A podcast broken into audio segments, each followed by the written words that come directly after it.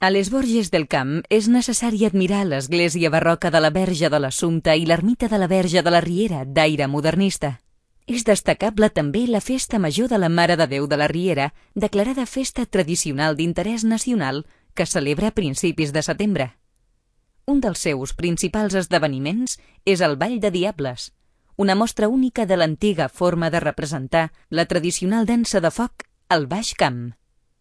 El proper poble de Riu de Cols descobreix el visitant l'església de Sant Pere i els bonics pobles agregats de Les Irles i Les Voltes. A poca distància, Botarell presenta la pedra fita, segons alguns historiadors, antiquíssim monument megalític i l'església de Sant Llorenç.